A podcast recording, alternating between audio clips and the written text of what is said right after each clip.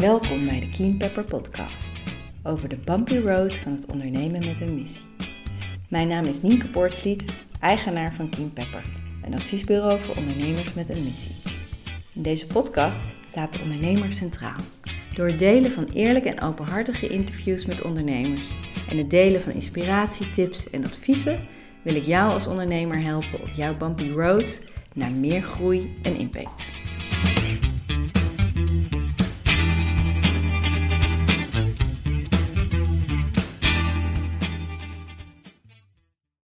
Welkom bij de tweede aflevering van de Kim Pepper podcast. In deze aflevering het interview met Marieke Hart over het belang van investeren in jezelf. In het interview vertelt Marieke over haar beginjaren van thuis afgehaald. Over de successen die ze behaalde, maar ook over de worstelingen en over wat ze leerde. En over hoe ze deze lessen nu inzet in het ondersteunen van andere ondernemers met een missie. Ik wens jullie heel veel luisterplezier. Nou, Marieke, welkom. Ja, dankjewel. Uh, voor de mensen die uh, jou niet kennen, kan je jezelf even voorstellen? Ja, zeker. Nou, ik ben Marieke Hart. ik woon in Utrecht samen met, mijn, met mijn man en twee dochters. Ik ben 41. En ik ben, ehm, ja, ik ben of was sociaal ondernemer. Ik heb uh, ooit uh, thuis afgehaald, opgericht samen met mijn man. En uh, nu ben ik vooral bezig om andere sociaal ondernemers te helpen. Om, ja, om, om eigenlijk het beste uit zichzelf te halen, zodat zij op hun beurt kunnen bijdragen aan een, ja, aan een meer duurzame en inclusieve samenleving. Ja, interessant. Dat laatste gaan we het zeker ook straks nog over hebben. Maar laten we beginnen bij het begin. Thuis afgehaald. Hoe is het ontstaan? Uh, vertel. Nou, thuis afgehaald is ontstaan eigenlijk uit een persoonlijke ervaring die wij hadden met onze buren. En die uh, uh, konden heel lekker koken. Tenminste, dat, dat dachten wij gebaseerd op de geuren die over de schuttingen kwamen waaien als wij in de tuin zaten. En wij hadden allebei werk en kleine kinderen. En ja, dan is het een enorme uitdaging om elke avond iets gezonds en lekkers op tafel te toveren. Dus wij hebben een keer aan haar gevraagd of zij, aan onze buurvrouw, of zij ook wat meer voor ons wilde koken. En uh, uh, nou, gelukkig wilde ze dat. En vanaf die persoonlijke ervaring waarin wij ja, bij haar over de vloer kwamen en lekkere pompoensoep uh, afhaalden om thuis te kunnen opsmullen, ontdekten wij eigenlijk dat het, het delen van eten een hele leuke manier is om je buren te leren kennen. Nou, en mijn man was in de tijd internetondernemer. Ik was op mijn werk heel erg bezig met actief burgerschap, maar ook met voedselverspilling. En zo hebben we eigenlijk onze, ja, onze achtergronden gecombineerd. En zijn we thuis afgehaald begonnen als, ja, als community van buurtgenoten in Nederland die voor elkaar koken. En uh, later zijn we daarin meer de focus gaan leggen op mensen die thuis wonen, maar eigenlijk niet meer voor zichzelf kunnen koken zodat ze uh, ja, lekkere, gezonde, verse maaltijd kunnen eten. Maar ook meer in contact komen met mensen in de buurt. En op die manier toch ja, kunnen blijven meedoen in, in, in, in, de samenleving. Ja. ja, dus het was eigenlijk, zoals je het beschrijft, bij toeval ontstaan. Maar kan je ons nog een beetje meenemen in hoe dat toen gegaan is? Want je, ging, je belde aan bij de buurvrouw bootje aan van we willen graag betalen uh, voor, voor, voor deze maaltijd. Uh, ja, dus, hoe, hoe ging dat, is ja, jouw vraag. Ja. Ja, ik ga inderdaad, ging er heel snel doorheen. Um, nou, sowieso hadden we in aanloop eigenlijk naar die maaltijd heel leuk appcontact met haar en ook onze buurman. Uh, en toen ontdekten we al dat het eigenlijk hele leuke mensen waren, die we nooit spraken. En toen hadden we al afgestemd van, zij zei, nou doe dan maar 1,50 euro. Uh, nou, hele goedkope pompoensoep dus. En het leuke was dat daar gingen meer mensen in de buurt uh, gingen daar aan meedoen. Wij vertelden daar enthousiast over. En toen kwamen er meer mensen in dat WhatsApp-groepje. En dus zo is het eerst een tijdje gegaan. Gewoon echt alleen bij ons in de buurt. Maar toen gingen wij erover vertellen. En zij ook. Ook aan collega's, aan vrienden, aan familie die verder weg woonden. En die zeiden eigenlijk bijna allemaal van, oh wat heerlijk, dat zou ik ook heel graag willen. En dan zei ik, nou, moet je gewoon bij je buren aanbellen. Dat hebben wij ook gedaan. Maar dat vonden de meesten toch een beetje gek. En, en ja, ik zei al, mijn man was al internetondernemer. Dus eigenlijk kwam toen het kwartje van ja, dus mensen willen dit. maar hebben iets nodig om het makkelijker te maken en om ze te faciliteren. Nou, daar is een, een, een online platform dan heel geschikt voor. Uh, dus wij hebben van wat spaargeld hebben we dat uh, platform laten maken. En eigenlijk nog steeds ja, gewoon, gewoon als een leuk idee. Weet je, wij hadden allebei gewoon werk. We waren helemaal niet op dat moment bezig met we gaan een, een sociale onderneming starten of zo. Dat was eigenlijk gewoon voor de leuk. En toen was die website net klaar. En toen uh, um, ja, kwamen we in contact met een, iemand van de Wereld Door. En uh, daar mocht ik komen vertellen over het, over het concept. Ja, en, en eigenlijk vanaf dat moment, ik noem het wel eens een ontploft avontuur. Want vanaf dat moment ging de trein ja, rijden. En moesten wij proberen die bij te houden en daar ook nog enigszins richting aan te geven. Dus na die uitzending van De Wereld Draait Door zaten wij s'avonds van... oh, misschien, misschien moeten we ook wel iets op social media of zo. We hadden echt nog helemaal nergens over nagedacht. En in het begin hebben we dus alles zelf gedaan naast ons werk. We zaten gewoon alle avonden met de laptop op schoot te proberen... van wat komt er allemaal op ons af en kunnen we dat een klein beetje bolwerken... En toen hebben we vrij snel gelukkig met steun van, van fondsen een community manager kunnen aannemen om uh, alle dagelijkse dingen te regelen en ook het contact met de thuiskoks en de afhalers. En pas eigenlijk, ja, het is misschien heel gek, maar pas na anderhalf jaar had ik het gevoel, na een jaar, had ik het gevoel van ja, dit staat echt, dit heeft zoveel potentie, dit is zo serieus ik ga gewoon mijn baan opzeggen en ik ga gewoon uh, thuis afgehaald proberen verder te ontwikkelen. Dus het is, ja, eh, achteraf allemaal eigenlijk heel naïef. Zonder businessplan, zonder strategie, zonder alles. We zijn gewoon begonnen. En misschien is dat ook wel voor een deel waarom het zo superleuk was. Omdat je er gewoon instort en gaandeweg dealt met alles wat je tegenkomt. En, en je dus ook op dat enthousiasme gewoon ja, er doorheen gaat eigenlijk. Ja. En, en, en nog even concreet, hè? want je, dus, dus je, het ontstond uh, helemaal in je privésfeer, een WhatsApp-groep beschrijf je.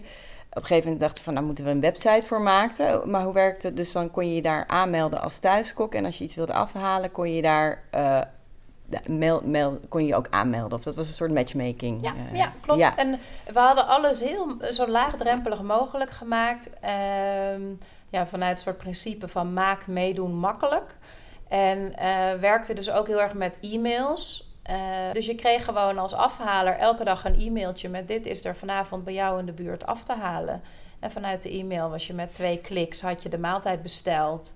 En kreeg je dus uh, door van nou, je moet zo laat daar zijn. Neem je eigen bakje mee, liefst geen, geen, af, geen wegwerpbakjes. en als, dan ging je op dat tijdstip dus naar die thuiskok. Op dat moment betaalde je ook nog gewoon contant. Nu wordt dat allemaal via de site gefaciliteerd. Maar op dat moment, ja, dat was natuurlijk houtje touwtje in het begin. Uh, maar het belangrijkste was dat je gewoon in de keuken stond van een onbekende buurtgenoot. Ja, die heerlijk voor jou gekookt had. En dat jij met die maaltijd weer naar huis ging. En ik herinner me ook nog zo goed dat die eerste periode zaten wij elke avond gewoon. En dan kon je in. Uh, uh, op, eh, kon je online de real-time cijfers zien. Dus wij konden gewoon zien van op dit moment staan er zoveel mensen zitten in de site en er zijn zoveel maaltijden afgehaald. Dus zaten we echt van wow, er staan vanavond wel 500 mensen bij elkaar in de keuken ergens in Nederland. Ja, dat geeft. Ik denk dat we de eerste, nou twee jaar misschien wel, gewoon op een, op een rush of op een high er doorheen zijn gegaan. Omdat het zo gaaf is als iets wat jij verzint als dat aanslaat.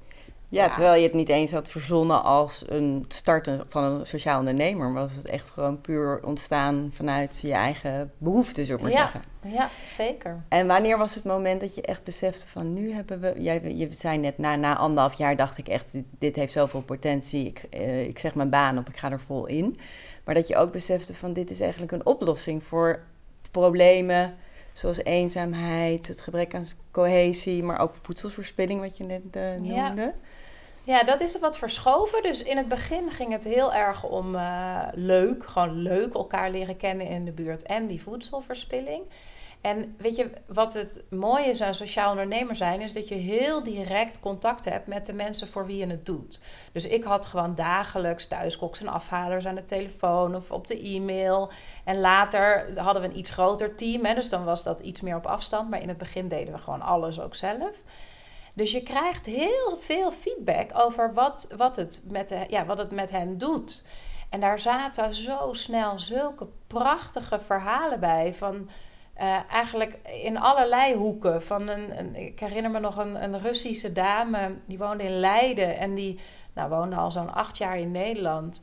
In een, in een heel klein uh, flatje. Maar die kon fantastisch Russisch koken. Nou, dat is natuurlijk, dat kan bijna niemand hier. Dus zij was heel populair op thuis afgehaald. En, en zij vertelde mij: van, ja, voor het eerst voel ik me thuis. En voor het eerst voel ik me gezien voor wat ik uh, kan en wie ik ben en waar ik vandaan kom. Dus het was voor haar eigenlijk heel empowering om uh, te koken. En aan de andere kant hoorden we heel veel verhalen van mensen die juist door af te halen, ja, met een andere blik naar de buurt gingen kijken. Iemand zei op een gegeven moment: ja, als ik nu door de straat loop, dan ben ik soort van nieuwsgierig. Van oh, wat, wat zou daar in de keuken gebeuren? Um, en dus ook mensen die uh, op een gegeven moment belden er een vrouw uit uit Groningen. En die zei, ja, mijn moeder die woont in Rotterdam. En die kan niet meer voor zichzelf koken. Maar ja, vanuit Groningen naar Rotterdam, ik kan dat niet voor haar betekenen. Uh, kunnen jullie niet iemand regelen in de buurt? Nou, toen zijn we dus een thuiskok gaan zoeken. En die mevrouw kreeg vervolgens twee keer per week gewoon een lekkere, verse, warme maaltijd. En door al die verhalen ging. En natuurlijk de cijfers, hè, want die verhalen, dat geeft de indruk van wat doet het met die mensen. En ondertussen zagen we de cijfers gewoon best wel hard groeien van het aantal gedeelde maaltijden. Ja, en toen. En, en ik moet er eerlijk bij zeggen ook wel dat wij, dat wij toen realiseerden van, dus er zit potentie in. En tegelijkertijd leerden we, maar dat heeft ondersteuning nodig dus ik noemde net ons naïef in het begin. Wij dachten, we zetten die site live. Nou, als we nou op een gegeven moment een community van zo'n 10.000 mensen hebben, dan, dan rolt dat zichzelf wel verder uit. En hoeven wij dan niet zoveel meer voor te doen. Nou, we waren sowieso veel sneller op die 10.000 dan ik van tevoren gedacht had. Maar toen leerden we ook van nee, meer mensen is niet minder werk, maar het is gewoon meer werk. Die website moet steeds onderhouden worden. Die community heeft ondersteuning nodig. Je gaat op een gegeven moment samenwerking aan met allerlei partners. Dus dat werd eigenlijk meer werk in plaats van minder. Heel logisch, maar dat hadden wij niet helemaal vooraf zo uh, doorzien. Dus ja, dat gevoel van enerzijds, dit doet echt iets moois in de wereld. En er zijn heel veel mensen enthousiast. En anderzijds ook het besef, ja, als we dit echt willen uh, benutten uh, in de potentie voor de wereld die het heeft, dan moeten we daar gewoon volop inzetten. Ja, dat was eigenlijk het moment dat ik uh, mijn baan heb opgezegd en er vol in ben gestapt. Ja, ja en, want, want, en had je tot dan ook een verdienmodel? Of ben je dat toen op een gegeven moment pas gaan creëren? Of wat was het ja, Nou, daar hebben we wel, zijn we wel vanaf het begin af aan al mee bezig geweest. Maar dat is een grote zoektocht geweest uh, in die jaren. En eigenlijk nu nog omdat ja, in de kern zit daar de grootste uitdaging. Omdat je de mensen die eindgebruiker zijn, dus de thuiskoks en de afhalers, gewoon niet kunt laten betalen voor het geheel van het platform. Hè. De maaltijden zijn gemiddeld zo 4, 5 euro. Ja, daar kun je niet opeens 15 euro van maken, zodat ook de kosten voor de website en voor de ondersteuning enzovoorts gedekt kunnen worden. Dus we zijn vanaf het begin af aan op zoek geweest naar uh, voor, voor welke partij is de waarde die we creëren, de sociale waarde, de duurzame waarde, de gezondheidswaarde, zodanig interessant dat die bereid is ervoor te betalen. Dus eigenlijk een soort indirect verdienmodel. Er zat altijd wel een transactiefee op, dus gebruikers betaalden wel een beetje, maar dat was gewoon niet genoeg. we hebben die eerste paar jaar hebben we best wel veel uh, ondersteuning van, uh, van fondsen gekregen. Wat echt heel uh, waardevol was. Was wel het idee van ja, dat is gewoon tijdelijk nodig voor de opstart.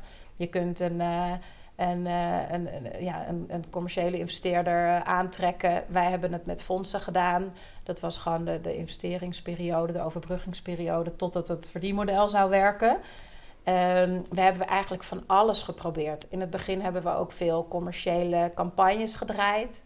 Dan deden we de week van de spruitjes. En daar betaalde dan het, uh, nou ja, de, de, de, de greenery geloof ik voor. Ehm, en dan gingen wij thuiskok stimuleren om lekkere dingen te maken met spruitjes. En nou, zo, zo uh, deden we van alles. En, maar eigenlijk kwamen we ook al wel redelijk snel uit op dat um, die sociale waarde die gecreëerd wordt eigenlijk het grootst is bij thuis afgehaald. Ik moet even bij zeggen dat tegenwoordig heet het thuis gekookt. De naam is veranderd.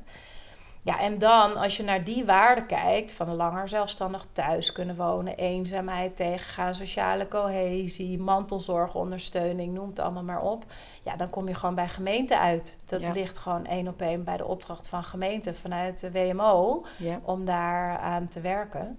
Um, dus toen, toen we de focus meer gingen leggen op uh, mensen die om welke reden dan ook in een kwetsbare situatie zitten, uh, zijn we dus ook uh, qua verdienmodel ons meer op, op gemeente gaan oriënteren. En, uh, zij, ja, zijn zij gaan betalen eigenlijk gewoon voor onze dienst die wij dan aan hun inwoners aanbieden, aanboden. Ja, ja dus daar, zij kochten diensten in. Ja. Vanuit, en, en, en lukte dat?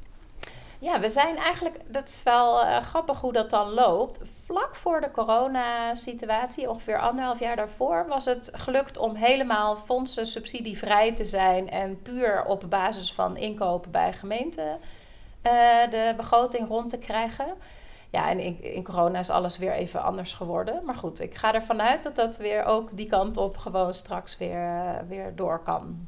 ja. ja. ja.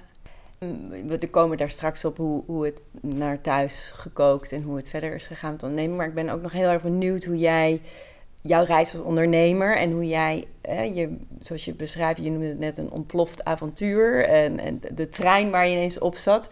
Je was geen ondernemer. Je, eh, hoe, hoe, heb, hoe heb je dat aangepakt? Hoe heb je je ontwikkeld? Waar, wat heeft je daarin geholpen? Uh, je zei net al wel een beetje, ik ben gewoon op een rush uh, het was ook allemaal leuk en de kick van het begin, maar je moest ook ineens uh, een onderneming gaan runnen. Ja, nou dat was in het begin best wel heftig, omdat ik, uh, weet je, als ondernemer in, in die fase moet je eigenlijk alles een beetje kunnen. Ja, en dat is gewoon niet reëel dat je alles een beetje kan. Zeker niet als je het nooit eerder gedaan hebt. Dus dat was best confronterend in de zin dat ik alles nieuw deed. En dus ook heel veel dingen tegenkwam die ik eigenlijk nog niet kon. En uh, dat was ik niet zo gewend, zeg maar. Daarvoor in mijn werk had ik het gevoel van... nou, ik weet wel zo'n beetje wat ik doe. En hier had ik af en toe helemaal niet zo het idee dat ik wist wat ik deed. Uh, dus dat vond ik best wel pittig. Tegelijkertijd is daarmee dus ook je leercurve... ja, steiler kan het bijna niet. Ik heb zo waanzinnig veel geleerd in die tijd. Omdat je je overal moet verdiepen en allemaal nieuwe dingen moet oppakken. Um, ik denk dat ik, uh, wat mij geholpen heeft daarin is, uh, nou hè, sowieso, ik deed het samen met mijn man in het begin. Wij zijn heel aanvullend qua competenties en op een aantal vlakken had hij al wel ervaring. Dus daar heb ik heel veel aan gehad. En ik denk dat, uh, ja, dat het, dat het, wat het mooie daaraan is, uh, is wel ook dat je het helemaal op je eigen inzicht en eigen intuïtie kan doen. Dus dat had misschien wel tijd nodig, maar op een gegeven moment, als je daar echt op gaat vertrouwen, ja, dan is. En, je, en je, je verdiept je dus overal in. En, en ik ben heel makkelijk met hulp vragen. Ik geloof heel erg in uh, ja, durf te vragen. Um, dus en ik heb ook wel geleerd dat als je vraagt, dat er heel veel bereidheid is. Dus dan hoorden we weer iets nieuws over: moet je niet iets met uh, marketing? En dacht, ik weet helemaal niet wat dat is. Nou, ik bel iemand waarvan ik weet dat hij helemaal in marketing thuis is. Wil je met mij koffie drinken?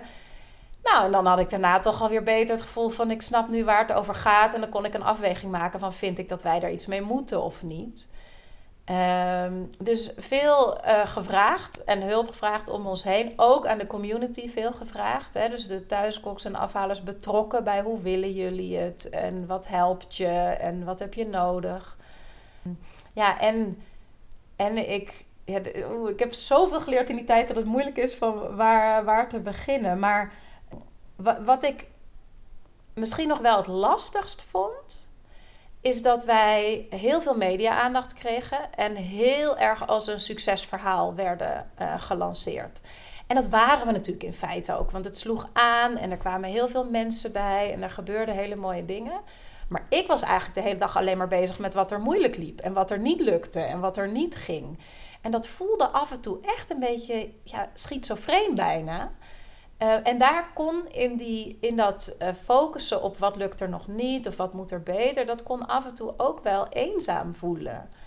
En we, hè, naarmate de tijd groeide, kregen we meer collega's. Dus ik had op een gegeven moment een vast team. Nou, dat was echt heel fijn. Van, van dedicated, betrokken, leuke, goede mensen eh, om het samen mee te doen. Dus dat hielp in het eenzaamheidsgevoel. Maar uiteindelijk als ondernemer, zeker mijn man is na twee jaar, heeft hij ook weer uh, uh, ja, afgezwaaid. Die is weer wat anders gaan doen. Dus als ondernemer in die rol en die verantwoordelijkheid ben je toch ook, blijf je dan een beetje eenzaam, ondanks die fijne collega's. En toen kwam ik uh, ja, via verschillende wegen in contact met andere sociaal ondernemers. En dat heeft me ook heel erg geholpen. Allereerst in een soort herkenning en bevestiging van: oké, ik ben niet de enige die, eh, die het allemaal best wel, wel uitdagend vindt. Uh, maar ook gewoon in, uh, in, in meer praktische zin. Van, ja, hoe ga jij hiermee om? Hoe doe jij dat? Uh, dus dat hielp ook wel heel erg in, in, het, in ja, een klein beetje meer grip erop krijgen. En ook een beetje meer geruststelling van: oké, okay, het is ook gewoon best wel pittig. Dus het is niet gek dat ik dat af en toe vind. Dat vinden zij allemaal ook. Ja. ja. In plaats van dat je het gevoel dat je steeds in je eentje aan het worstelen was en naar buiten toe alleen maar het, het succesverhaal uh, leek eigenlijk. Ja, ja. ja. En, um, want je beschrijft van, ik, heb, ik heb zoveel geleerd, ik kan eigenlijk, uh, ik weet niet waar ik moet beginnen.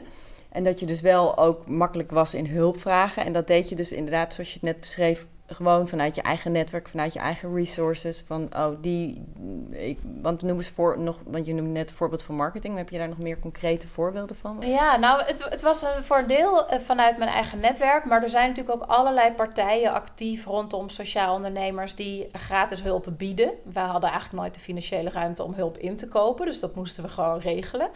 Uh, maar ik heb bijvoorbeeld ook, er was een keer een BTW-vraagstuk. Nou, ik heb me maandenlang in de BTW-aftrekregels verdiept. Maar dan wel met hulp van fiscalisten van PwC. Die, die zeg maar gesponsord via Social Enterprise NL uh, wilden meehelpen. Um, en uh, ik weet dat ik, ik heb de methode van Lean Startup heel erg gebruikt in mijn tijd bij Thuis Afgehaald. Nou, dat is een een, een, visie op hoe een methode op, op doorontwikkelen, uh, vernieuwing, uh, kleine stapjes, heel snel testen van hoe, uh, hoe pakt dat uit in de praktijk, wat vinden mensen ervan, weer opnieuw kritisch naar je eigen aannames kijken, volgend stapje ontwikkelen enzovoort. Nou, daar heb ik een, een, ja, een bevriende ondernemer die daar echt al jarenlang super veel mee bezig was. Die heeft me daar gewoon uh, echt wel in gecoacht. Dat had ik ook niet allemaal zomaar zelf gekund. Dus er waren eigenlijk allerlei terreinen ja, waar dan via via wel, wel hulp in te vinden was. Ja. ja, en ook heel mooi wat je net zei, dat je ook heel erg de community betrok bij. Ook om dingen te testen en om te zorgen dat dat gewoon goed afgestemd is op hun behoeften. Maar ook misschien gebruik maken van de kennis vanuit de community. Zeker, ja. Ik, um, ik herinner me heel goed dat als mensen zeiden thuis afgehaald is een website, dat ik altijd dacht: nee, die website is puur nodig om het te laten werken. Maar thuis afgehaald is een community van mensen. En het gaat om hen. Zonder hen is thuis afgehaald niks.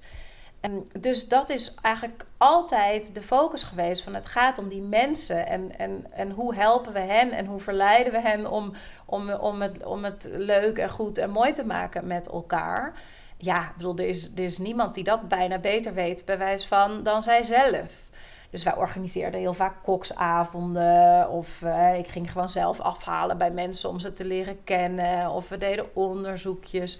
Dus we hebben hen op allerlei manieren betrokken. En ja, ik, ik weet nog dat we uh, in het begin in al dat enthousiasme waren we behoorlijk all over the place. Want we zagen overal leuke mogelijkheden en we gingen daar ook overal in, in op. Dus in het begin hebben we een, een kookboek gemaakt. Uh, thuis gekookt heette dat kookboek ook.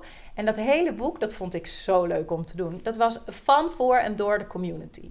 Dus uh, de koks mochten recepten indienen. Andere koks gingen die dan beoordelen. Of is dat leuk of niet? En dat moest dan droog gekookt worden. Kijken of dat klopt, zo'n recept. En nou, uh, fotografie. Dan moest het gekookt worden om die, om die uh, maaltijden te maken. Andere koks gingen dan weer die koks interviewen. Zodat er leuke tekstjes bij kwamen in het kookboek. En nou, dus iedereen heeft daar op, op een eigen manier aan meegeholpen. En ja, ik geloof daar dus heel erg in bij zo'n concept. Ook omdat dan vervolgens dat boek is van iedereen. Dus mensen gaan daarover vertellen, gaan dat uitdelen. Nou, die, datzelfde principe gebruikten we eigenlijk steeds. Nieuw logo, ja, dat kunnen wij verzinnen, maar we kunnen beter vragen: wat vinden jullie mooi? Want als er dan iets is, of nieuw promotiemateriaal, als er dan iets uitkomt, dan hebben zij het gevoel, of ja, dat, daar heb ik ook aan bijgedragen. En dan is de kans dat ze dat gaan verspreiden veel groter dan als ze van ons iets opgelegd krijgen. Ja. Dus we hebben steeds op die manier gekeken naar hoe maken we het zoveel mogelijk van hen. Wij moeten dat ondersteunen, dus we hebben daar een hele belangrijke rol in, maar het moet niet te veel van ons worden. Niet te veel zenden. Nee. echt vanuit de community ja. komen. Heel ja. mooi. En, en nog even terug naar jouw eigen ontwikkeling als ondernemer. Hè? Je bent net de sneltreinvaart geleerd, maar het was eh, pittig, eh, eenzaam zeg je, maar wel een enorme steile leercurve. Ehm, kan je nog iets vertellen over hoe dat verder is gegaan? Hoe is dat verlopen? Ja, nou, wat ik. Um, ik heb uh, dus veel geleerd over bewijzen van marketing en BTW. Maar ik heb ook heel veel geleerd over uh, wie ben ik en hoe werk ik en wat past bij mij. Uh, en als ik daarop terugkijk, ja, dan zijn dat niet alleen maar fijne conclusies. Dus een van mijn neigingen in die tijd was om heel erg voorop te stellen: wat is er nodig? Ik was echt zo met een ideaal bezig dat dat ideaal ging voor alles bijna. En ja, en, en dat, moest, eh, dat moest goed gaan. Dus, dus ik deed wat er nodig was. En waar ik bij mijn collega's heel veel aandacht had over hoe gaat het met jou en waar word jij blij van en waar word jij, ben jij goed in en hoe zetten we jou optimaal in hè, bij thuis afgaat. Ja, eerlijk gezegd liep ik daar bij mezelf echt volledig aan voorbij. Dus ik deed wat er nodig was. Niet per se wat ik heel leuk vond om te doen. En daar heb ik, ja, daar, daar ben ik wel, wat ik bedoel met niet zo'n fijne conclusie, is daar ben ik best wel ver in gegaan. En dat is wel, uh, ja, ook wel op een punt gekomen dat ik dacht: uh, oké, is dit eigenlijk nog wel goed voor mij? En ik had daar een, ja, op een gegeven moment een soort beeld van. van ja, je, hebt, je hebt eigenlijk een soort van twee rollen. Dus als sociaal ondernemer met een verantwoordelijkheidsgevoel naar het geheel en naar die community zit ik heel erg met de bril van wat is er nodig. Maar als mens, als Marieke Hart, moet ik mezelf toch ook echt gewoon afvragen: wat is er goed voor mij?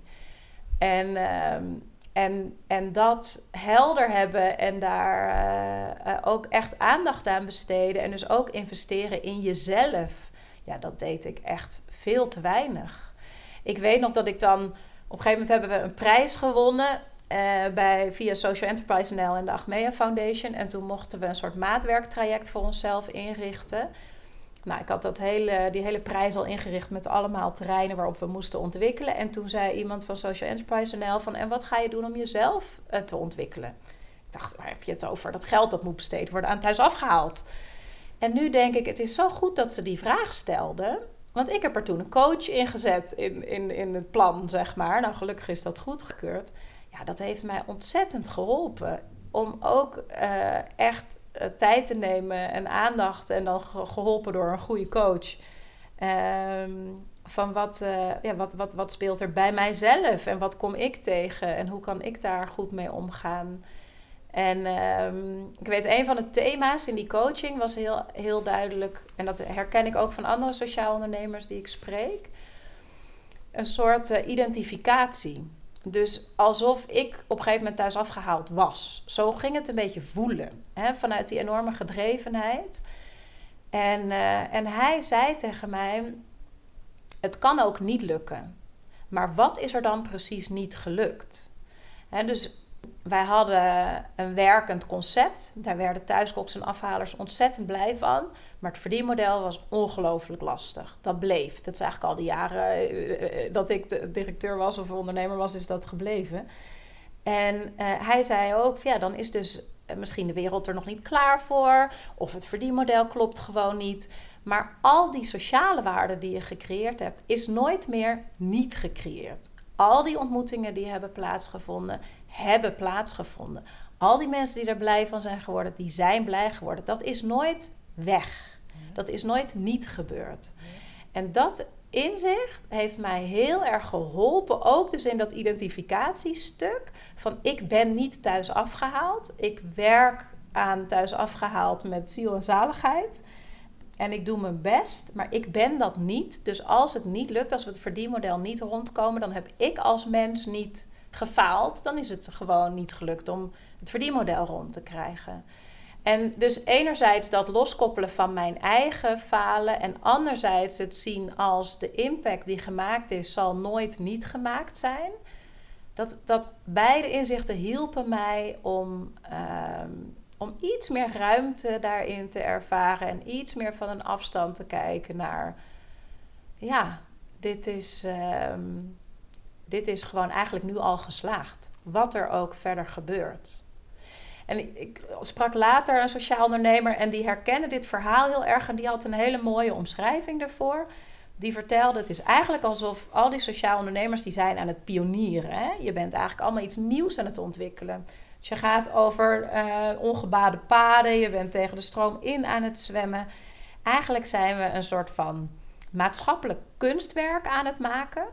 En ook de sociale initiatieven die dan uiteindelijk niet het verdienmodel rondkrijgen, bouwen mee aan dat kunstwerk. En in totaal helpen we daarmee de samenleving verder in het ontdekken van wat werkt er wel en wat werkt er niet.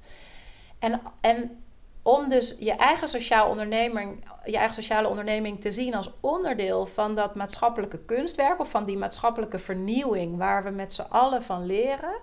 Ja, dat soort inzichten hielpen mij dus heel erg om een beetje een breder perspectief te houden. En iets minder alleen maar gefocust op, ja, maar het moet lukken, het moet lukken, het moet lukken, het moet lukken. Ja, heel mooi. Iets meer van een relativering daarin aan te brengen ook. En, en wat je zegt, breder te zien. Ik heb ook wel eens gelezen een research and development afdeling eigenlijk. Van de samenleving. Ja, ja, dat vind ik ook een mooie metafoor. Zeker. En, en heel interessant wat je zegt ook over die identificatie met uh, onderneming. Ik denk dat heel veel ondernemers dat ook herkennen.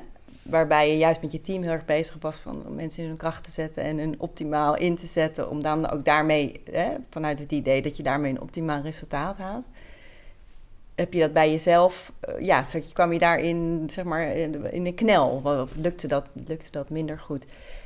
door die coaching kon je het relativeren. Lukte het ook beter om dan anders naar jouw rol te kijken? Uh, ja, zeker. Dat duurde, dat duurde wel ook nog even. Uh, maar uiteindelijk lukte dat zeker. En toen ben ik ook wel op een punt gekomen. Ik denk, ik hoor dit bij heel veel sociaal ondernemers. Als je verdienmodel niet zo heel ruim is, dan kom je eigenlijk niet makkelijk in de volgende fase van organisatieontwikkeling. Hè? Dus als je kijkt naar de fase van een organisatie in, in de ontwikkeling, is er op een gegeven moment ook een punt dat je groeit. En dat je taken meer bij diverse mensen gaat neerleggen. En dat je zelf als ondernemer dus meer ook echt op het visie- en het strategiestuk kunt focussen. Maar omdat uh, in thuis afgehaald dat verdienmodel die ruimte niet bood, deed ik heel lang alles zelf. Ook de meer managementkant en de, nou, het financiële stuk en ook het meer operationele stuk. En dit hoor ik van heel veel sociaal ondernemers, dat je, je blijft dus eigenlijk te lang werk doen wat jou niet per se inspireert. Of wat in ieder geval wat mij niet inspireerde, laat ik het bij mezelf houden. En dat is gewoon qua energiehuishouding niet zo lekker. Dus dat, dat, dat, dat holt je een beetje uit. En na een heel traject daarin, hè, want ik heb ook vrienden daarover gesproken, niet alleen die coach. Uh, en mijn man natuurlijk. Uh, maar op een gegeven moment ben ik dat dus helderder gaan zien. Van wat van wat ik doe in een week maakt mij nou echt blij, geeft mij energie. En wat kost eigenlijk vooral energie. En toen ben ik op een gegeven moment op het punt gekomen dat ik een soort lijstje had van nou als het zou kunnen, zou ik dat heel graag ook niet meer doen. En toen heb ik een factuur uitgezet voor een operationeel manager. En de financiële ruimte was beperkt. Dus ik dacht, nou, dan lever ik gewoon salaris in. Dan ga ik een paar dagen per week uh, ja, minder werken of iets anders doen. In ieder geval, de, ruimte die daar dan uit ontstaat, die kan ik gebruiken uh, om die operationeel manager aan te nemen. Dan mag die dat werk doen. En ik weet nog dat ik, ik, ik nam haar aan. Zij is later directeur geworden. Dus zij is uiteindelijk ook mijn opvolgster geworden. Dat wist ik toen nog niet. Maar ik nam haar aan en het was ook echt een verademing om dan iemand tegen te komen die al die dingen die op mijn nee-lijstje stonden, die daar gewoon echt blij van werd. Die zin had om daar zich op te storten. Nou, dat ik daar af en toe aankeek, weet je het echt zeker? Dat is echt niet zo leuk hoor. Maar ja, dat is natuurlijk heel persoonlijk. Uh, zij vond veel daarvan gelukkig wel heel leuk. En dat, ja, dat was gewoon heerlijk om dat dan te kunnen overdragen. Ja, ja, en vaak waar, wat je inspireert en waar je energie van krijgt, is ook waar, natuurlijk, waar je goed in is, waar je talenten liggen. Ja. Je zei al zo net zo opvolger, zij was mijn opvolgster. Je bent nu inmiddels eruit gestapt. Kun je daar wat over vertellen, over hoe dat gegaan is? Ja, ja. kijk, op een gegeven moment, ik noemde net eigenlijk die twee rollen. Hè? Dus wat is er nodig voor thuis afgehaald en waar wordt Marieke Hart blij van? En op een gegeven moment, dus, dus die stap om die operationeel manager aan te nemen was cruciaal daarin. Dat gaf mij meer ruimte om te doen waar ik blij van werd. En wanneer was dat? Uh, oh, dat is nu vier jaar geleden. Ja. ja. En op een gegeven moment ja, ging bij mij ook wel uh, er iets prikkelen van nou, misschien wel een keer helemaal eruit. Misschien wel weer een keer iets heel anders of iets heel nieuws. Maar dan komt er ook dat verantwoordelijkheidsgevoel meteen boven. Van ja, maar dat is dan leuk voor mij, maar dat mag niet ten koste gaan voor thuis, van thuis afgehaald. En dat is voor, ik heb daar ook met anderen wel eens over, dat een soort exit-strategie. Uh, dat is best wel lastig, omdat je als kleine organisatie is de rol van de ondernemer heel belangrijk. Ook naar buiten toe, hè, was ik het gezicht van thuis afgehaald. En vooral in mezelf. Dus ik voelde me enorm verantwoordelijk en had, wilde absoluut niet community in de steek laten. Dat voelde ik echt als een persoonlijke verantwoordelijkheid. Dus ik ben best wel zoekend geweest naar als ik er dan op een gegeven moment helemaal uit wil. Hoe ga ik dan thuis afgehaald toch ja, op een veilige, duurzame manier ergens onderbrengen of borgen? En terwijl ik met die zoektocht bezig was uh, en ik dus al een stapje terug deed uh, vanuit mijn nee-lijstje, zeg maar. Uh, en die operationeel manager daarin kwam, ging er ook ja, geheel onverwachts een gezondheidsprobleem bij mij spelen. Ik kreeg last van duizeligheidsklachten, een, nou ja, een diepe oorontsteking, een beetje pech. Maar ik heb dat later, uh, op dat moment zag ik het als pech. Later ben ik het ook wel gaan zien als ja, misschien dat ik uh, ook wel uh, zo lang, zo hard gewerkt had dat mijn lichaam zei: nu is het even klaar en nu moet je rustig gaan doen. Dus ik kon eigenlijk van het een op het andere moment bijna niet meer werken. zo ernstig was het. Zo ernstig was het in het begin. Gelukkig is het heel veel beter geworden, maar in het begin was het zo ernstig. En dat gaf de, ja, de, de, de rolwisseling tussen mij en die operationeel manager eigenlijk een enorme versnelling. Ik bedoel, echt respect voor haar. Zij werd gewoon in het diepe gegooid en moest het eigenlijk uh, zelf uh, uitzoeken, zeg maar. Toen ik eenmaal weer wat beter werd en wel weer wat meer kon, dus daar zijn echt wel uh, maanden overheen gegaan. Toen dacht ik, ja, nu heb ik eigenlijk een keus. Of ik ga er weer vol in en het met haar samen doen. Of ik ga deze verschuiving, die nu toch heeft aange, aangediend, zeg maar, ga ik uh, formaliseren en verder brengen. Dus toen heb ik aan haar gevraagd of zij het gewoon echt uh, wilde overnemen. En uh, gelukkig heeft ze daar ja tegen gezegd. En ja, sindsdien, dat is nu twee jaar geleden, is zij ehm, dus het, stok, het stokje overgenomen van jou. Ja. En er was niet binnen tijd, want je, het, je hebt die operationele manager, die, die ging alle taken doen die op jouw nee-lijstje stonden. Dus zeg maar jouw ja-lijstje. Uh, kan je daar ook voorbeelden van noemen van wat dat waren? En waren die dan niet meer te vinden in thuis afgehaald? Ja, nou, mijn, mijn ja-lijstje. Misschien merkte je net al aan hoe enthousiast ik vertel over dat community-stuk. Dus ik vond het heel leuk om na te denken over hoe ondersteun je die mensen, hoe stimuleer je die mensen. Ik ben altijd gefascineerd geweest door gedragsverandering. Dus hoe verleid je mensen om om juist uh, net even het, het, leuke of het goede te doen voor de wereld. Dat, uh, dat fascineert mij. Dus dat vond ik heel boeiend om daarover na te denken. Überhaupt het meer, uh, het, het meer visiestuk en het uitdragen van, van, hè, van de merkidentiteit. Van waar, waar gaat Thuisafgehaald over? Wat zijn onze kernwaarden? En dat levend houden. Zowel binnen de organisatie als binnen de community als naar buiten toe uitdragen. En het, uh, ja, het, het, het, stuk zoeken naar, naar, naar mooie nieuwe kansen en, en nieuwe diensten en invullingen. Uh, nou, de, eigenlijk alles een beetje zo in die hoek. Dat, is, dat was mijn ja-lijst. Ja. Ja, en dat, dat had ook gekund. Ik denk als mijn gezondheid het had toegelaten, dat ik ook samen met, uh, dus met mijn opvolgster daarin, wij waren daar heel aanvullend in. Dus we hadden daar ook een mooie combinatie in kunnen maken. Maar mijn gezondheid, ik bedoel, het gaat nu heel veel beter, maar het speelt nog steeds. Dus ik ben niet meer op het punt gekomen dat ik gewoon 100% eh, inzetbaar ben. En ik was ook wel echt opgelucht dat er iemand anders was die zich er met, met vuur en vlam voor wilde inzetten. En ik had ook toen wel het gevoel van ik vind mijn ja-lijstje wel ergens anders. Dus het is, ik geloof ook, had toen ook wel het gevoel van misschien is het ook heel goed voor thuis afgehaald. Dat, weet je, zij doet het helemaal anders dan ik het deed. Dat is logisch. Laat het, laat het haar maar een tijd op haar manier doen. En ja, dan hoef ik er niet meer van wakker te liggen. Dat, dat klinkt iets te, te, te negatief, maar ik voelde echt de verantwoordelijkheid voor die, voor die community. En ik vond het best wel lekker dat iemand anders die verantwoordelijkheid een tijdje op zich wilde nemen. Ja, ja. ja. Ja dat klinkt ook door in je verhaal dat je zo verbonden was en je geïdentificeerd had bijna met, met, met, met de onderneming. Dat dat dan als er wat meer ruimte ontstaan, dat, dat bleef natuurlijk waarschijnlijk zo. Ja, toch zo. Ja, en dat is natuurlijk, ik, ik, denk voor elke ondernemer die een operationeel manager of een integrator of hoe je dat ook noemt, aanneemt. Het is heel fijn dat je nee-lijstje voor een stuk wordt overgenomen, maar het is ook weer heel erg zoeken naar ja, hoe ga je ermee om dat iemand dingen op een eigen manier doet, anders dan jij het had gedaan. Hoe verhoud je je daartoe? En uh, ja, dus ik voelde me nog steeds eindverantwoordelijk voor het geheel. Ook al deed ik een, een heel deel van het, uh, van het ondernemen niet meer zelf. En ja, nogmaals, dat had ook anders kunnen lopen. Maar voor mij op dat moment was het goed om gewoon, uh, ja, om daar gewoon echt de, het stokje over te dragen. En in het begin was ik nog heel nauw betrokken en belden ze me vaak. En dat had ik ook afgesproken van ik ga je helpen en waar je maar nodig hebt.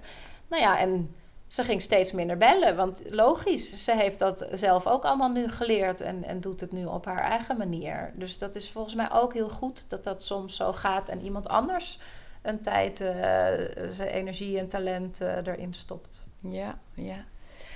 En je, je besloot dus op een gegeven moment voelde je van nou, het is gewoon beter om dat stokje maal over te dragen, wat je net zegt. Wat, wat, wat wist je al wat je daar vervolgens wilde doen? Nou, ik denk dat ik in eerste instantie daarna echt heel bewust de keuze heb gemaakt van nu gaat mijn energie naar zowel mijn herstel van gezondheid als naar thuis. He, dus ik heb best wel pittige gesprekken gehad in die jaren. Dat, ik was gewoon heel veel aan het werk. En dan met twee kinderen thuis. Nou ja, dat was niet altijd leuk voor, voor mijn gezin. Dus ik heb echt wel een tijd gedacht van als ik energie over heb van de gezondheid, zeg maar, dan gaat die naar mijn gezin. En pas als er dan nog energie overblijft, gaat die weer naar de wereld, zeg maar. Ja. Dus ik heb eerst daar echt een tijd uh, mijn focus op gehad. En toen ik merkte dat er weer meer energie overbleef. Ja, eigenlijk was ik toen door mijn eigen ervaring gefascineerd geraakt door dat vraagstuk van. Uh, ik kwam allerlei sociaal ondernemers tegen die bijna allemaal vergelijkbare ervaringen hadden. Ik heb de term gekke henkies wel eens genoemd. Allemaal leuke, inspirerende, mooie mensen die zich als een kip zonder kop inzetten voor de wereld en zichzelf daarbij regelmatig voorbij rennen.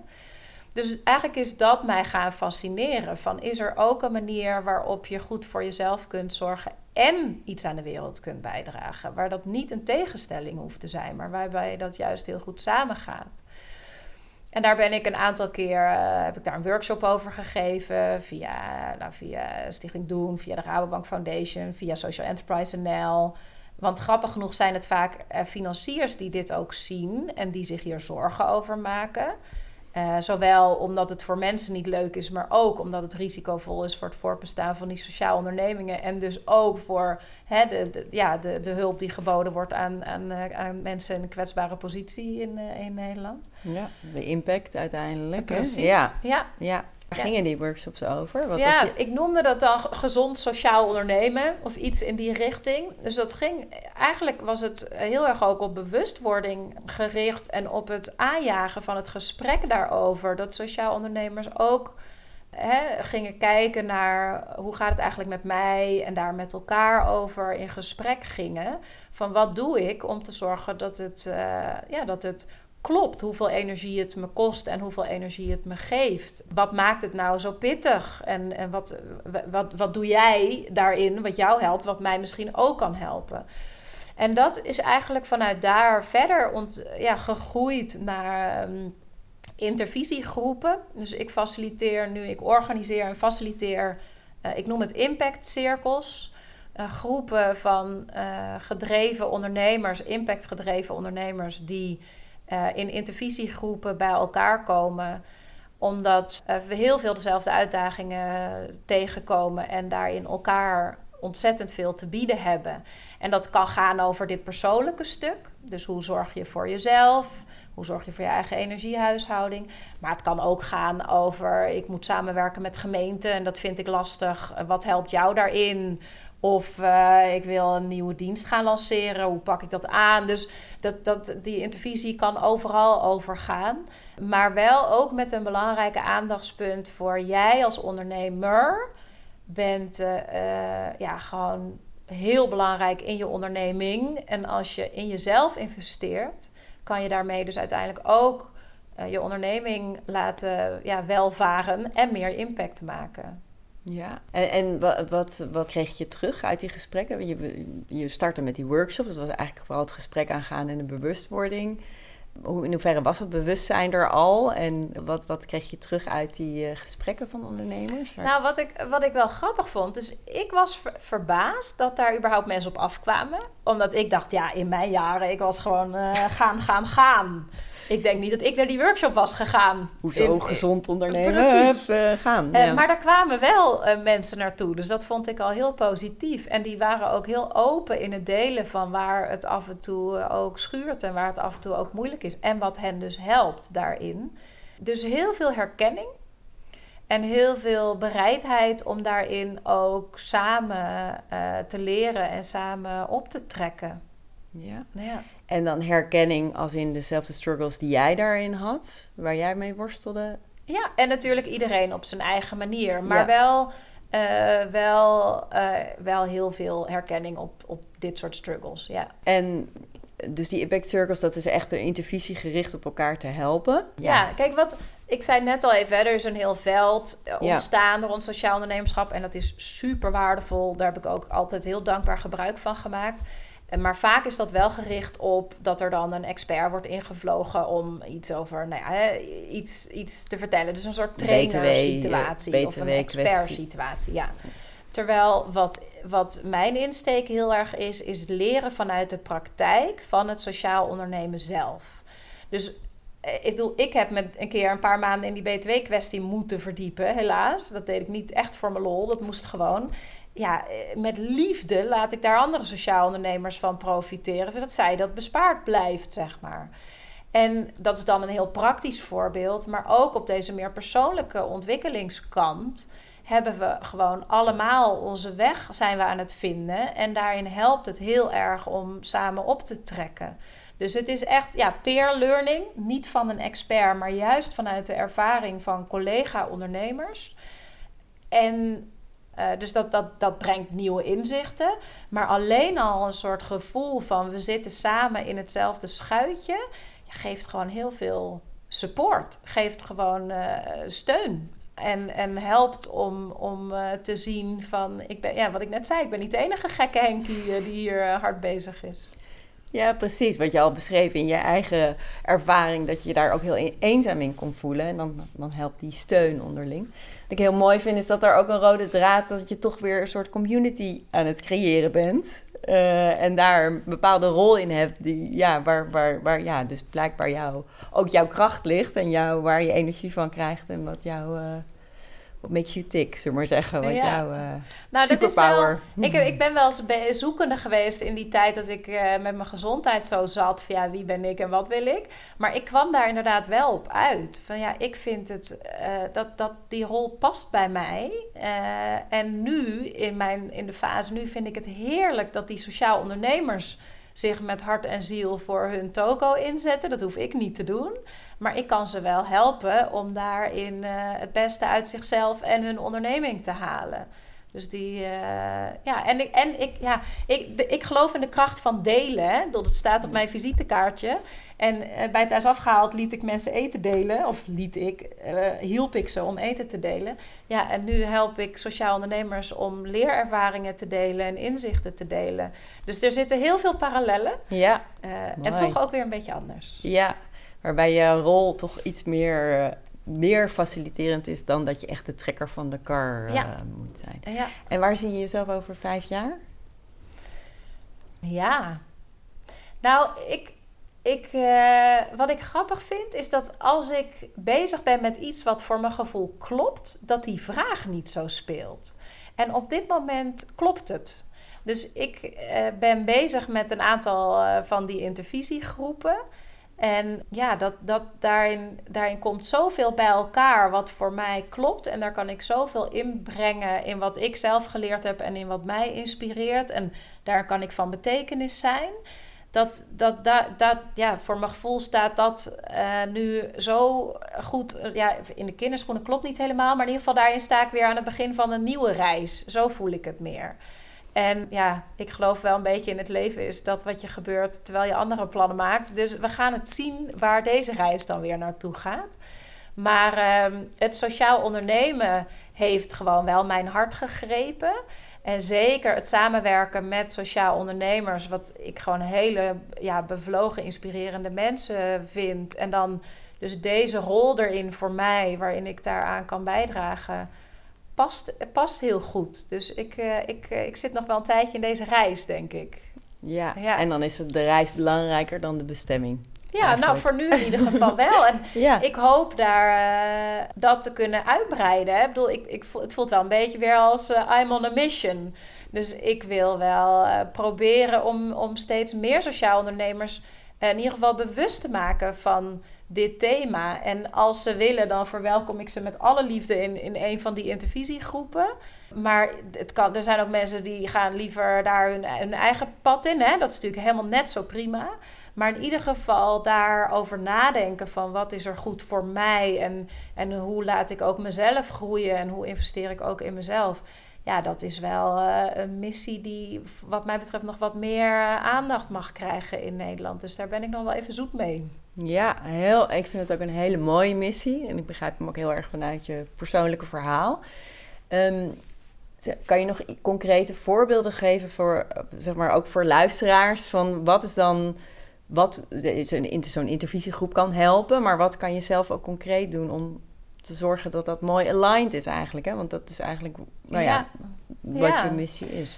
Ja, dit is natuurlijk heel persoonlijk, hè? Wat, wat de een helpt, uh, ja, dat, dat, dat is ook een persoonlijke zoektocht. Maar wat in ieder geval mij heel erg heeft geholpen, is een soort lichaamsbewustzijn. Dus ik, als ik eenmaal hard aan het werk ga, is vooral mijn hoofd heel actief. En dan kan ik, ik kan best wel hard gaan dan. Uh, maar dan raak ik eigenlijk een beetje de connectie met mezelf en mijn lichaam kwijt. Dus wat ik heb gemerkt is daarin, uh, nou ja, ik bedoel, bij wijze van spreken, wandelen, dansen, mediteren, uh, yoga, dat soort dingen. En ik in die intervisiegroepen stop ik ook altijd iets lichaamsgerichts, omdat we als mens meer zijn dan alleen dat hoofd. En daar, voor mij is het belangrijk om daar meer balans in te brengen. Dus dat probeer ik dan aan die groepen ook mee te geven. En dat, dat kan zo simpel zijn als een lekkere wandeling tijdens de lunchpauze. En mm, ja, ik geloof ook heel erg dat contact met anderen hierin helpt om te spiegelen. Dus als je je niet zo in een groep thuis voelt, ja, die individuele coach heeft mij ook ontzettend geholpen. Dus dat zou ik ook. Ik, ik, ik heb wel eens gezegd: iedereen zou een keer in zijn leven een coach moeten krijgen, want het is gewoon zo leerzaam. Dus dat kan ook helpen. En dan niet alleen maar op die eh, inhoudelijke thema's. Hè? Of als we net een paar keer die BTW-kwestie voorbij gekomen, waar dan een expert komt en kennis deelt. Maar echt iemand die je coacht op meer dat, dat de persoonlijke stuk. Ja, ja. ja precies. Ja. ja, en ik ben uh, samen met, uh, met collega Fine van Look bieden we nu voor, uh, in samenwerking met Stichting Doen aan sociaal ondernemers ja, ondersteuning aan. En dan mogen mensen kiezen van willen ze zo'n persoonlijk traject. En het gaat dan inderdaad meer om, je, ja, om jezelf als mens of in een intervisiegroep past dat beter. We organiseren ook weekenden om, als je je niet vast ergens aan wil committeren, om gewoon eventjes een keertje lekker te ontspannen en nieuwe inspiratie op te doen samen met andere collega's. Uh, dus ja, daar zijn allerlei vormen in, in denkbaar. Ik kwam laatst heel interessant het, in een nieuwsbrief het Ikigai-model tegen een model dat je helpt om stil te staan bij wat kan ik goed, wat vind ik leuk om te doen, waar heeft de wereld behoefte aan en waar kan ik ook geld mee verdienen. Uh, dus nou ja, zo'n soort model of welke insteek dan ook, maar in ieder geval om de vraag bij jezelf te laten leven van wat heb ik nodig? Ja, dat, dat is volgens mij het allerbelangrijkste. En de vorm is dan ja, wat, erbij, wat je aanspreekt. En dan wat heb ik nodig? Uh, maar ook wat heb, ik, wat heb ik te bieden en waar word ik gelukkig van? Ja. Dus waar, waar, waar, krijg ik energie van? Wat ja. inspireert mij en hoe kan ik dat optimaal inzetten? Ja, ja zeker. En um, in je reis nu, in je missie, um, je hebt natuurlijk vanuit thuis afgehaald heel erg ook naar buiten toe, hè? Uh, daarin een rol gehad. Uh, nu richt je je vooral heel erg op, op, op, op de ondernemer zelf en het, nou ja, weer het creëren van een community en het delen het faciliteren van het delen ook. Zie je ook nog een rol voor jezelf meer zo naar buiten toe gericht in het verkondigen van deze missie? Ja, nou wat, dat is wel grappig, want dat begint wel zo weer een beetje te borrelen. En tegelijkertijd merk ik ook dat ik daarin een beetje een soort zelfbeschermende rem heb. Omdat uh, de, dat hele naar buiten gerichte ook best wel veel energie kost. En ik zei net al, dat gezondheidsverhaal speelt nog steeds. Dus mijn, mijn energie is nog steeds wat beperkt. En uiteindelijk vind ik het werken met die mensen gewoon het, aller, het allermooist. Dus ik hoor heel veel verhalen en ik lees interessante dingen. En denk ik, oh, dat moet de wereld weten. Uh, maar ik hou, ja, ik, ik kies ook nu wel heel erg voor wat is voor mij het allerbelangrijkste om mijn energie aan te besteden. En dat gaat toch primair om om die groepen. En als er dan nog meer energie overblijft, nou, dan ga ik misschien ook wel weer meer, uh, wel weer meer naar buiten toe. Uh, uh, ja, mijn verhaal verspreiden. Ja, je missie verkondigen. Ja. ja. maar zou ik wel willen zeggen, als er sociaal ondernemers zijn die luisteren en die denken, nou, zo'n intervisiegroep, dat spreekt me wel aan. er gaan binnenkort weer, weer nieuwe groepen starten. Dus ja, hè, ik ben op LinkedIn te vinden, Marieke Hart. Daar, eh, daar, daar post ik dan uh, informatie over waar je je kunt aanmelden.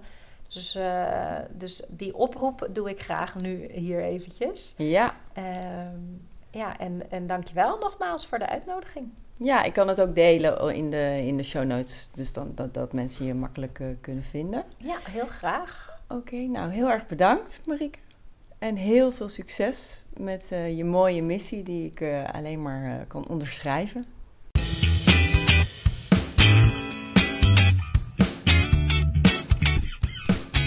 Dank voor het luisteren naar de Keen Pepper podcast.